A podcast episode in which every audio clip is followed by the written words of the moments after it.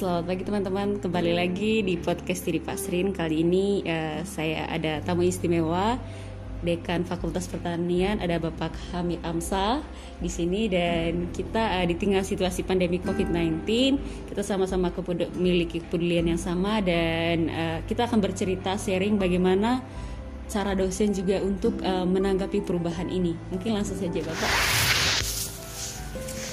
Uh, yang pertama memang COVID-19 ini kan masalah global, masalah kita saja Indonesia maksudnya. Tapi ini sudah global, maka tuntutan sekarang itu adalah physical distancing. Itu yang paling penting. Tidak boleh ke mana-mana. Di rumah saja itu sampai ada tagar di rumah saja itu menandakan bagaimana kepedulian pemerintah memberikan warning kepada kita tujuannya adalah bagaimana kita sama-sama menghindari atau mencegah penyebaran berikutnya. Nah, itu pun kita lakukan sejak tanggal 16 kemarin pas uh, yudisium Fakultas Pertanian. Mm-hmm. Itu saya format yudisium itu tidak seperti format-format sebelumnya. Mm-hmm. Yang kami lakukan adalah format uh, yudisiumnya singkat, padat singkat itu adalah termasuk bagaimana sambutan dan seterusnya itu dulunya nggak panjang kemudian tanpa ada salaman itu yang tanpa ada salaman jadi untuk menghindari itu kemudian semua KPS kita wajibkan pakai masker tujuannya apa nah seperti anda dan saya sekarang ini kan sama-sama pakai masker itu adalah Nah, kita tidak tahu Anda atau saya yang kena. Betul. Nah, di antara saya yang kena itu saya berusaha untuk mencegah supaya Anda tidak kena dan sebaliknya juga begitu. Saling menjaga. Saling menjaga itu yang paling penting karena uh, bukan apa namanya kalau bukan kita yang menjaga siapa lagi saya kira itu. Jadi kita seakan-akan berpikiran bahwa kita ini sudah kena sehingga apa? Kalau saya sudah kena, maka saya berusaha untuk teman saya, keluarga saya, siapa saja ada di depan saya tidak boleh kena. Tetap safe. Tetap safe. Sehingga itu yang paling bagus. Tapi kalau ah enggak saya kena harus menyeberang itu kan tidak tidak tidak bagus karena karena kalau sudah satu kena kita tidak bisa pastikan bahwa satu itu hanya saat di dia toh tidak dia akan menyebar ke mana-mana dan itu yang sangat berbahaya. Makanya ya, ada beberapa kebijakan yang berdampak terhadap itu ya. COVID-19 dampaknya luar biasa. Termasuk ekonomi perkuliahan pembelajaran khususnya kita di Tribuana luar biasa. Dan salah satu faktor yang paling berpengaruh itu adalah ekonomi ekonomi dari mahasiswa itu sendiri. Kalau dulu kuliahnya datang ini enggak kuliah dari rumah dipakai jadi masalah itu ya. Tapi alhamdulillah kita bersyukur uh, Unitri melalui Pak Rektor kemarin dengan uh, usulan BEM sudah di disetujui begitu ya akan memberikan paket data untuk mahasiswa. Sementara masih data oleh BEM bentuk. Kepedulian terhadap mahasiswa gitu ya. salah satu bentuk kepedulian mahasiswa apa unitri terhadap mahasiswa seperti itu yang dilakukan. Selain yang sekarang dilakukan itu adalah paket sembako untuk ojol. Ojol betul. Jalan ini kami sudah beberapa kali karena pesan ya. Pesan lewat online datang ternyata paket itu makanan itu kami tidak kita kembalikan kepada dia. Itu adalah ikut meringankan beban, apalagi pendapatan mereka kan hari per hari. Sekarang ini juga teman-teman masih menggalang bagaimana kepedulian uh, kita terhadap apa namanya uh, supir angkot. Perangkap karena kan mereka akhirnya menurun ya pak. yang paling uh, kena dampak itu adalah super angkot. Satu kadang-kala tidak dapat menumpang kalaupun ada jarang sekali orang naik mau karena itu angkutan umum yang juga sangat beresiko ya sehingga itu ada teman-teman yang sudah menggalang sekarang saya pun sangat mengapresiasi Unitri ya Pak. Jadi kemarin teman-teman juga ada yang mewawancara uh, apa pekerja pembangunan gedung baru Unitri. Jadi itu uh, mandornya kerjasama dengan klinik Unitri diberikan masker gratis gitu. Jadi sepertinya memang sisi positif dari pandemi COVID-19 ini adalah kita bersama-sama gitu. Jiwa kemanusiaan kita kerja terus diuji, uh, terus juga dibangkitkan gitu.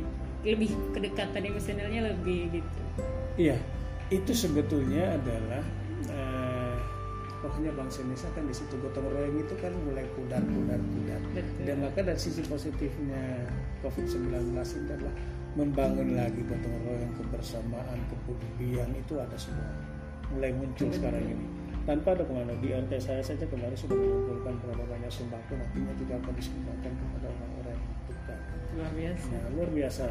Ini masker yang saya pakai ini adalah masker pemberian menteri. Walaupun Waduh. saya di rumah juga ada. Tapi itu adalah salah satu bentuk um, kepedulian menteri terhadap staf. Jadi memberikan masker yang kembali maskernya saja warnanya saja ungu. iya unit- ya cinta Umi Tri banget Unitri banget. Aduh, ya Pak. Ah, jadi ini kan kemarin sebenarnya soal bagaimana ah, dosen ya Pak, seperti misalnya usia 60 tahun ke atas seperti yang tadi sudah kita bicarakan, itu ah, melambat gitu dalam dalam ah, apa menanggapi perubahan ini. Itu bagaimana Bapak untuk disikapi bersama-sama dengan mahasiswa? Eh, kalau itu tidak terjadi hanya di Unitri ya. Ah, hampir semua. Perguruan tinggi yang lama malah jauh lebih banyak lagi. Hmm. Lebih banyak lagi. Artinya eh, selama ini masih bermain dengan manualisasi. Mm-mm. sekarang harus teknologi itu memang artinya tidak semua banyak juga yang yang sudah sepuh pun eh, cepat belajar untuk menyesuaikan dengan IT ya. Tapi memang ada satu dua saya kira di mana-mana ada. Jangankan yang lama-lama yang dosen yang Masih. usianya di bawah pun masih ada satu dua yang tapi mau dan tidak mau kondisi sekarang ini kan tidak bisa. Terpaksa kita harus dipaksa. Jadi terpaksa dipaksa terpaksa. Paksa dan akhirnya bisa gitu Nah, seiring. bisa. Kalau bias bisa sudah bisa, kan sudah terbiasa. Nah, Betul. kalau kayak seperti saya ini kalau sudah terbiasa, terus saya tidak melakukan, merasa ada sesuatu yang yang hilang. gitu ya bapak saya juga di rumah dulu kan pensiunan guru ya pak ya gitu kuliah lagi itu memang beli laptop itu benar-benar diajarin kayak pegang mouse gimana jadi emang usianya juga gitu terus eh, lambat gitu kan jadi memang eh, seperti kata bapak tadi ini kita sama-sama bertahap ke sana gitu. Ini harapannya dong pak untuk eh, teman-teman mahasiswa Unitri eh, untuk menjaga diri gitu di tengah pandemi Yang COVID-19 satu, saya ingatkan kepada mahasiswa Unpri, satu tetap semangat, Mm-mm. jangan putus asa dengan kondisi ini. Mm. Karena yang merasakan bukan hanya anda saja, tapi kita semua Mm-mm. merasakan. Jadi mungkin barangkali sedikit apa yang anda rasakan itu sebagian besar kita merasakan. Maka kuncinya satu, kita tetap semangat dan tetap maju, jaga jarak. Itu yang paling penting. siapa nah oh iya eh, terakhir bedanya kuliah online sama kuliah tatap muka ada kerinduan kan nih pak Ada kerinduan, ada kerinduan eh, karena ada ada yang tidak tersampaikan di online itu yang harus disampaikan dengan tatap muka. Mm-mm. Karena secara tidak langsung hubungan emosional dan psikologi antara dosen dan mahasiswa ketika tatap muka itu tidak ada di online gitu. Betul. Sehingga kadang-kadang juga saya merasakan loh kapan ya mahasiswa ini saya mau ketemu? Ah, Kok dia artinya sudah biasa kemudian tidak ada sesuatu yang ini. Begitu juga ada mahasiswa yang WA juga pak kapan ya? Rindu saya ke kelas itu loh. Iya. tapi kan kita maklum kondisi ini saya jawab udahlah untuk sementara kita di rumah saja dulu semua. Mm, toh nanti pada saatnya juga kita akan ketemu lagi. Betul. Sepanjang kita masih mau bersatu di dalam unitri kan gitu. Betul sekali. Eh, lalu dampak positif dari kuliah online pak? Dampak positif satu eh, tadi sudah saya sampaikan. Saya eh, mencoba menggunakan salah satu metode pembelajaran yang itu menurut saya sangat efektif. Kenapa?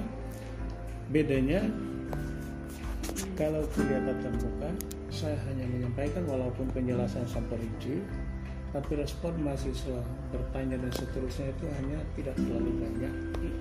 Hanya ada beberapa saja.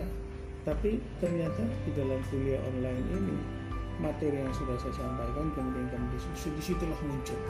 Bisik-bisik paling banyak pakai saya kala-kala kelabakan karena saking banyak karena baru jawab ini belum selesai sudah muncul pertanyaan, Pertanyaan lagi, baru lagi. pertanyaan lagi. Kemudian yang kedua itu adalah saya mencoba memberi tugas. Memberi tugas yang tugasnya kira-kira eh, apa, memerlukan pemikiran analisis dan seterusnya. Itu ternyata banyak tugas yang dikirim ke saya itu kalimatnya terstruktur bagus kemudian dari aspek ilmiahnya itu dapat. Maka saya bilang? Itu ternyata bisa ini. Aneh-aneh ternyata bisa. Cuma bagaimana metode pembelajaran kita itu kita kita giring bagaimana kita polakan supaya mereka itu maksimal berpikir. Kenapa? Karena kalau sudah tugas seperti itu mau dan tidak mau satu dia baca yang kedua terpaksa harus nulis, Menulis. Iya. Karena kalau kita sudah baca dan nulis melekat di otak itu jauh lebih besar daripada hanya sekedar mendengar Betul banget. Daya simpan karena kan ketika kita menulis pasti berpikir ya Pak ya gitu. Terima kasih banyak Pak. Ya sehat-sehat selalu. Kita punya harapan yang sama yang baik untuk uh, Unitri. Jadi uh, untuk dosen sih apalagi yang setiap hari juga di sini gitu kan. Uh, kita masih sama dukung dan juga seperti kerinduan tadi uh, semoga kita akan segera berjumpa lagi dengan keadaan yang sehat. amin Amin. oke Terima kasih, pesan saya tetap semangat itu aja Terima Oke. kasih. Siap. Aduh,